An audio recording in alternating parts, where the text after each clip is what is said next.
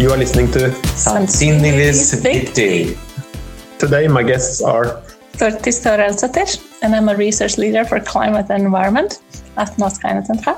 And Alex Lenkoski, and I'm a chief research scientist at Norsk Regnesentral.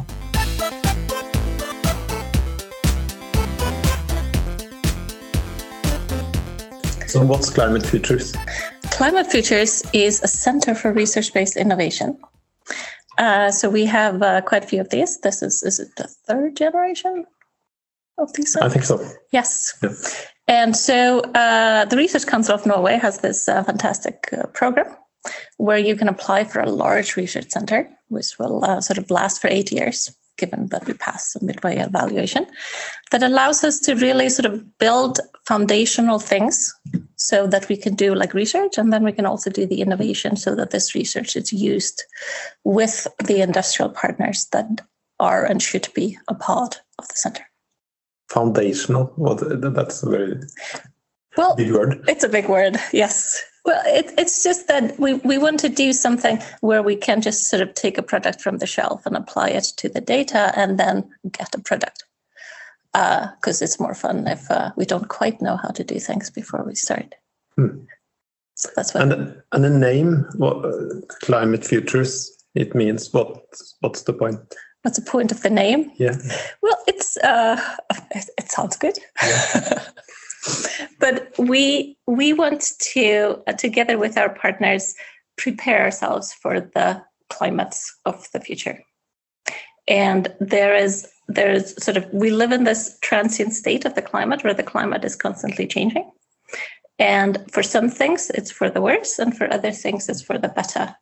And so we basically want to try to estimate all the different risks associated with what we expect to see in the near term future and then we want to build bridges so that our partners can use this information and that will help them in their operations. Because all of our partners, what they have in common is that they all operate in sort of weather and climate uh, sort of or weather and climate is a risk factor in all of their operations. And one uh, or big aspect of this is prediction, mm-hmm. climate prediction. Yes. Mm-hmm. So, Alex, what does that is that possible?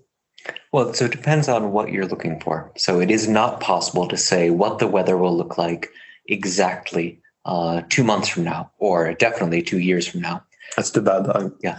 ready for that. My mother is very ready for that. There, there's a there's a long history of understanding the limitations of these models uh, in terms of their predictability. But what we are typically able to do is characterize the general state that we can expect. And for a lot of our industrial partners, that's the most important aspect.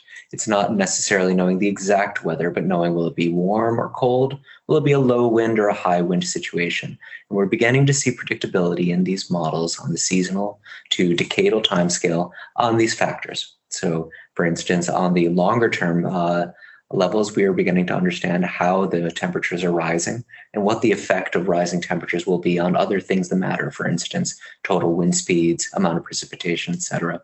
Uh, and in the medium term, we are able to actually characterize is this going to be a cold winter, a warm winter? Will it be a low wind speed or a high wind speed uh, fall? What's really exciting about this, I think, is sort of we all we all kind of operate with weather forecasts, right? You know, you look at the forecast to decide whether you want to take an umbrella with you to work today or not. Uh, and then the forecast stops sort of seven to 10 days into the future. There's basically a few years ago, there was sort of nothing beyond that. And now uh, the climate researchers, they've been working very, very hard for a long time to try to sort of expand this time frame so we can see something further out into the future. And what we have now is we have these different meteorological centers around the world that submit their sort of longer term predictions into a central repository from where we get uh, the model outputs. And this is called the Climate Data Store. And the Climate Data Store only opened in 2018. So this is fairly new. So the Climate Futures is a very timely project in that we couldn't have done this a few years ago because these predictions didn't exist.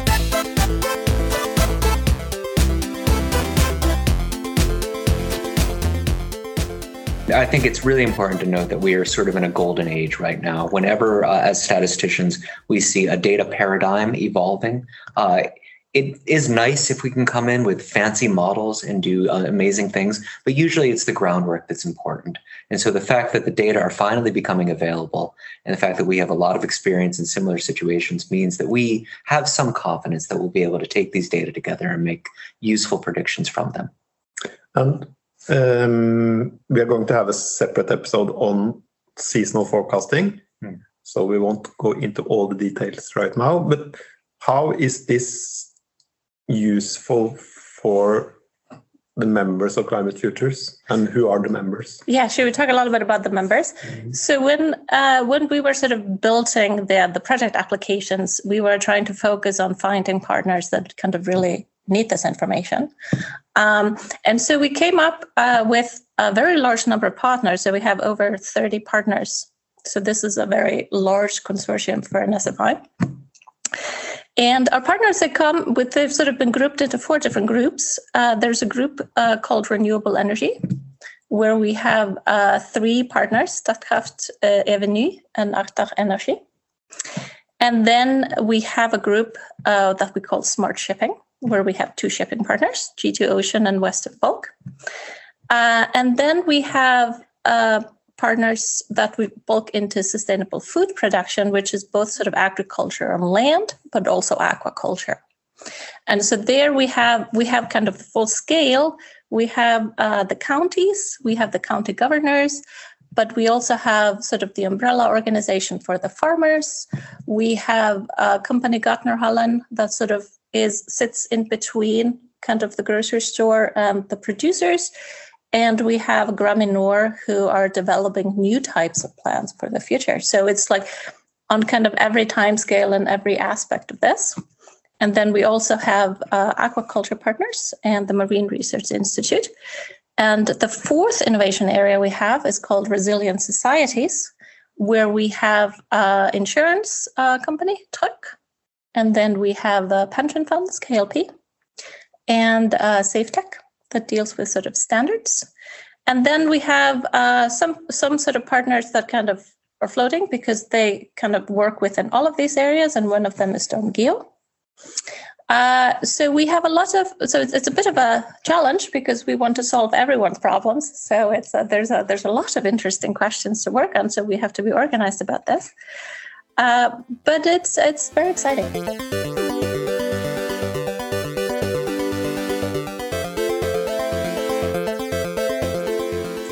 And I guess we also have some research partners. Yes. Yeah, no, it's just just industrial partners. yeah, so uh, Climate Futures is uh, is uh, owned uh, by NORCE. So NORCE is uh, is uh, the owner, and they are leading this. And then, so they do sort of the climate aspect, and uh, University of Bergen as well. And then we have NHH, and they do sort of more uh, the economic side and statistics. And then we do statistics, machine learning. Uh, and then we have uh, SSB, so their research department as well. So we also have a, a, number. And then we have the Nansen Center, very important. And they run the Norwegian climate prediction model. So we even have sort of an in-house model. Perfect. Yes. Yeah. So problem solved. Exactly. Yeah. Well, it's the um, there must be very different sort of time horizons or products or that these partners are interested in. Yes. So it is. Uh, they operate on different timeframes, and sort of, but they all kind of operate on timeframes that are kind of beyond the ten days. Because if you just care about what happens in the next two days, you just go to your cell phone and you look up your weather forecast. So, for instance, uh, for the shipping partners, uh, our shipping partners they ship goods from South America to Europe, for instance, and that is a six-week trip.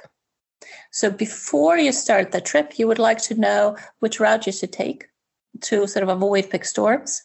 And there is also uh, when you kind of say you're you're headed to South America because you need to load some cargo the cargo is paper and pulp and you don't want to load it when it's raining because it ruins the cargo you would like to know that ahead of time that you might have to wait an extra week because then you can just kind of sail your ship much slower and you will save a lot of fuel. Uh, so there's a there's a lot of aspects there, but they are sort of operating in this like week to months. And um, then, for instance, for the farmers, obviously they would like to know now what the summer is going to be like. um, and similarly, with uh, renewable energy partners, they would like to know a few months ahead of time what do we expect? Sort of how do they should they manage their water? Um, and then, Alex, do you want to talk a little bit about yeah. We'd love to discuss some of that, but I think one thing that's really important with a lot of these examples that we've given is that it's true that the applications are very different, but the the fundamental weather variable that they were all concerned with was precipitation. And so I think that's a very nice aspect of this uh, this center is that we do have industrial partners operating on different scales and in different industries, but there's often quite a lot of overlap. And so our modeling has always been to have a core that can then be used by all of these different industrial partners. So focusing on precipitation in the medium term is useful for a number of these different different partners. Uh, it is true, however, that we have a, a number of different time scales, and uh, even inside the same industry, we have the same uh, different time scales. So we've already talked a bit about our agricultural partners. Some of them very much are concerned about what's going to happen in this next season. On the entire other end of that scale, we have uh, concerns about what's going to happen in the next decades because as the weather changes, uh, the the crops that we're uh, are going to be sort of most productive in Norway are also going to change. And so we've had a very interesting uh, collaboration with uh, in Graminor, one of our uh, industrial partners, on designing the potato of the future. So right now, potatoes uh, are a major crop inside Norway, and the potatoes that have been successful in Norway have various characteristics which are adapted to the climate that we currently have. Now, we know the climate's going to change. So southern Norway is probably going to feel more like continental Europe. Northern Norway is going to feel a lot like southern Norway. And the question is, what do we have to change about the potatoes in order to uh, to adapt to that new climate? Uh, and this is a very interesting uh, process because we have a, a, large amount of genomic information, both from potatoes inside Norway and also from potatoes all over the world. Uh, and we are able to correlate that genomic information with performance in various weather situations. We have projections of what weather is going to look like in a decade from now, and we can begin uh, giving advice to uh, to our industrial partners about what sort of crosses need to be made in the potato crop in order to create a new potato crop that's going to be resilient to the type of climate that we can expect. So that's on the exact opposite end of a lot of the things that we're concerned with with the upcoming season. But it's a fascinating topic because it really requires us to, to merge uh, our understanding of both current weather so that we can understand why various crops have performed well right now our projection of future weather, and this additional component related to genomics. And this is really where our expertise, broadly speaking, in statistics has been able to, to be very effective. And you say statistics, so why can't just AI solve this whole thing? Why don't you just feed all your data into a big black box? Well, that would be very nice. Uh, yeah. but unfortunately, none of these black boxes actually work just like you've described. Uh, you actually find that most of these AI algorithms are the result of decades of data processing in order to make the data in a, into a very nice uh, format. And this is what we uh, tried to highlight at the beginning. We are in a new frontier. These data are just beginning to come online, and we need to be able to understand how to manipulate them such that we can then eventually get to the point that AI algorithms can take over. So I do believe that we will get to a point where very advanced statistical methods will be used in order to process this high dimensional output to uh, to to answer many of these questions. But there's quite a lot of low level data work that needs to occur before we can get there, and that's really where uh, where our expertise comes in um, more than anything else.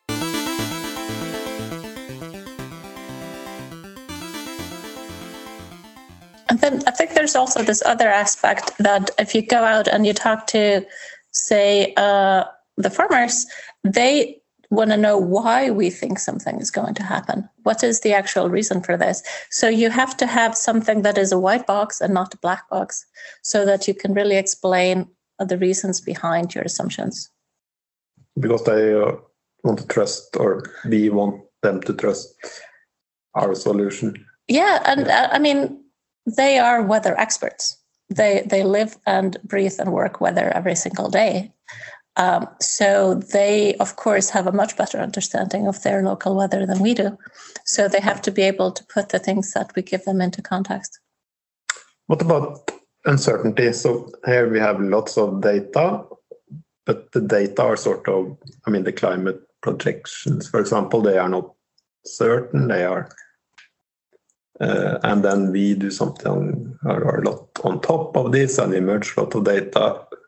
So how do we assess the uncertainty and how do the users deal with that?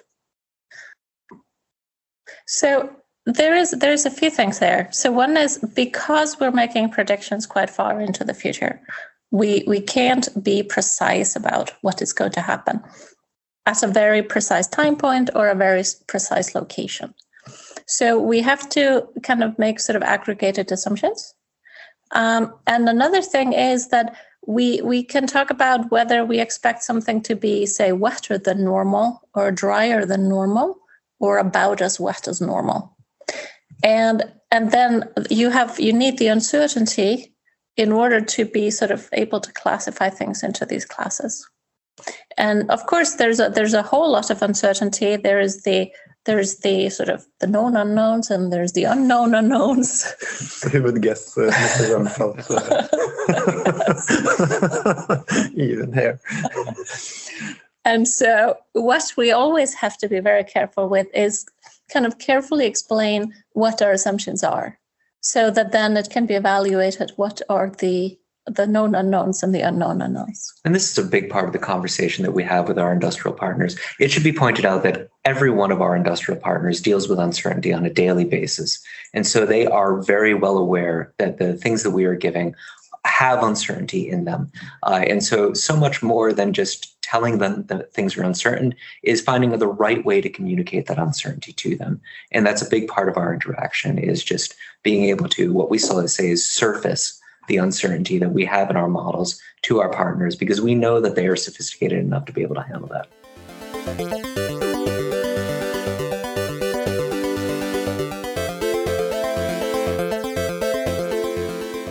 And if you think like um, seven or I don't know, six, how long has the center lived?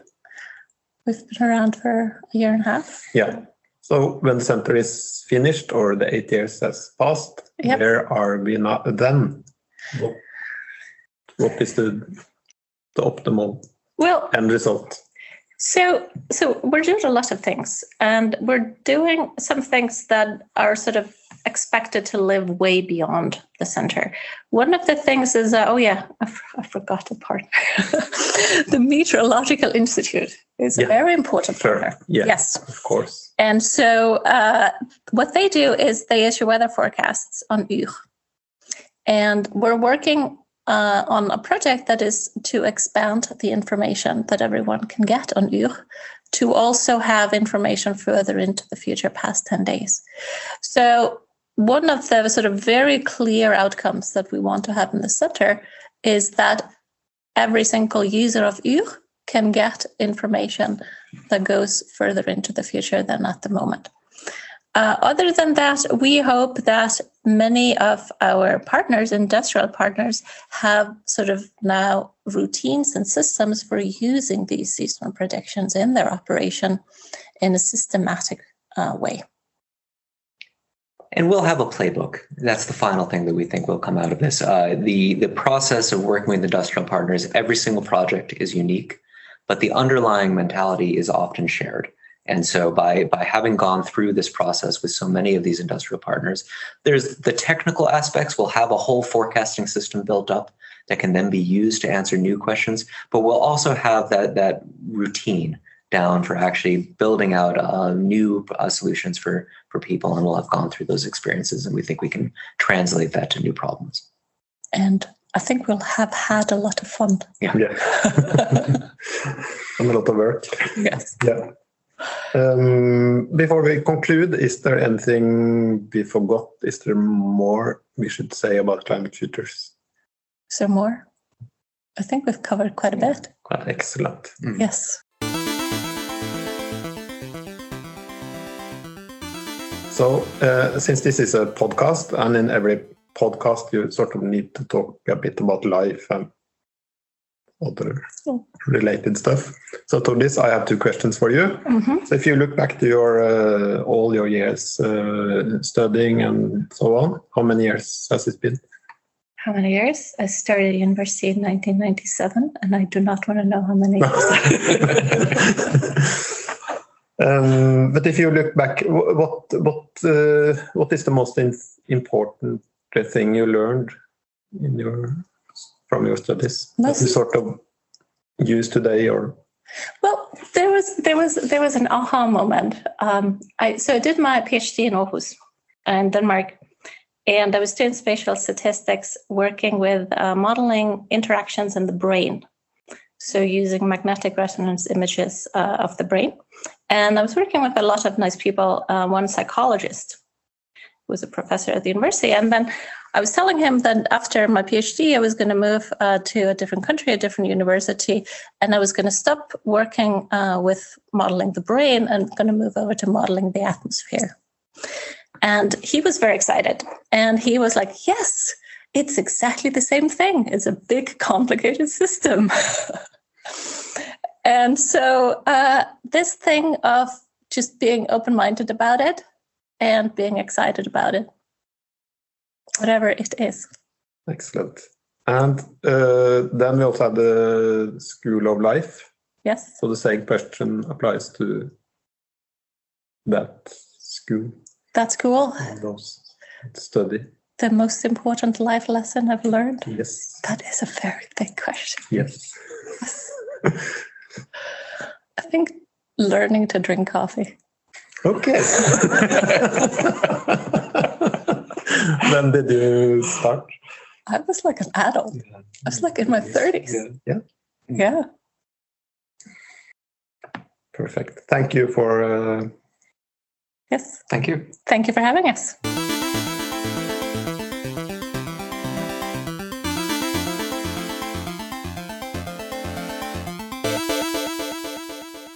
This is a podcast produced by Norsk Regnesentral.